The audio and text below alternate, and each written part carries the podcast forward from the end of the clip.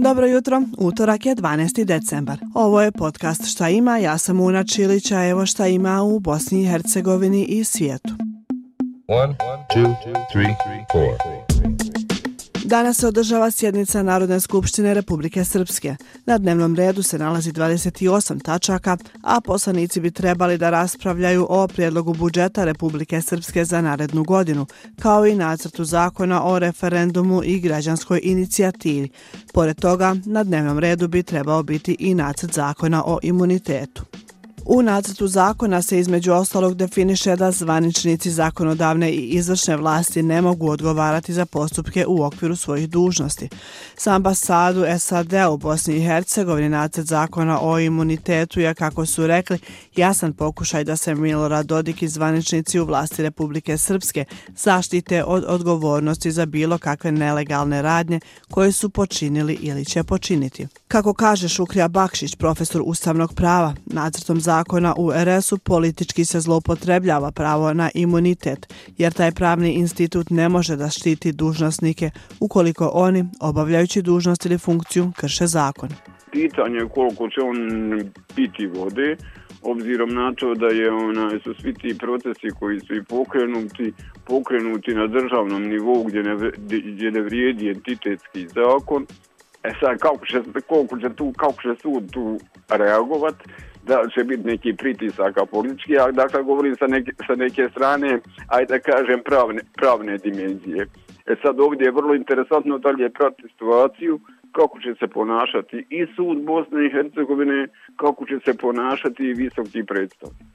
Jer ovo je još jedan izazov praktično visokom predstavniku, ono ti ništa, ti bez ovdje i mi te ne priznajemo a u Sarajevu sjednica vijeća ministara. Između ostalog, ministri bi trebalo da razmatraju nacrt osnova za vođenje pregovora, kao i zaključivanje aneksa sporazuma između vijeća ministara BiH i vlade Republike Srbije o zajedničkim lokacijama na graničnim prelazima. Na dnevnom redu bi između ostalog trebalo da se nađe prijedlog odluke o dodjeli državne nagrade za sport Bosne i Hercegovine za ovu godinu, a ministri bi pod odznakom povjedljivo trebali razmatrati program rada obavještajno-sigurnosne agencije BiH za 2024. godinu. Radnici elektroprivrede Republike Srpske danas organizuju protest ispred upravne zgrade preduzeća u Trebinju, jer rukovodstvo nije prihvatilo njihov zahtjev za povećanje plata. Pošto je umeđu vremenu rukovodstvo preduzeća otkazalo kolektivni ugovor, a najavili su potpisivanje novog sa svim preduzećima zasebno, članovi odbora sindikata kažu da će im sada prioritet biti jedinstveni kolektivni ugovor, ali ne odustaju od povećanja cijene rada. Evo što o protestu kaže Koraljka Kovačević-Markov, predsjednica odbora sindikata elektroprivrede Republike Srpske.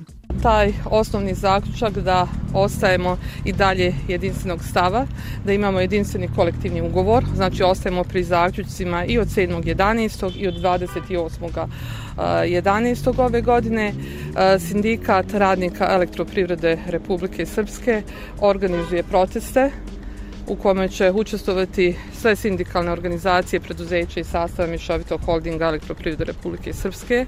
Svih 11 preduzeća, odnosno sindikalnih organizacija, jednoglasno u toj odluci. Širom svijeta se obilježava Međunarodni dan neutralnosti. Na ovaj dan Ujedinjene nacije pozivaju na podizanje svijesti javnosti o vrijednosti neutralnosti u međunarodnim odnosima. Član 2 UN-ove povelje obvezuje članice da svoje međunarodne sporove rješavaju mirnim putom i da se suzdrže od upotrebe sile. Danas se obilježava i Međunarodni dan zdravstvene zaštite. Ovogodišnje obilježavanje održava se pod motom zdravlje za sve. Koliko je važna univerzalna zdravstvena zaštita, pokazuju i podaci Svjetske zdravstvene organizacije, prema kojoj od 40 zemalja u Evropi milioni se i dalje bore da plate zdravstvenu zaštitu. U samo 23 od njih 40 zdravstvenom zaštitom je pokriveno 99% stanovništva. Plaćanje liječenja iz vlastitog džepa dovodi i neke ljude do siromaštva, a globalno čak 4,5 milijarde ljudi nije pokriveno osnovnim zdravstvenim uslugama.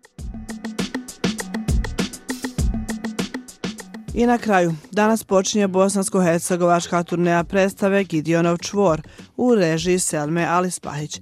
Predstava će imati 20 izvođenja u 12 gradova, a prvo izvođenje je večeras u Sarajevu, gdje će predstava biti prevedena i na znakovni jezik. One, two, three,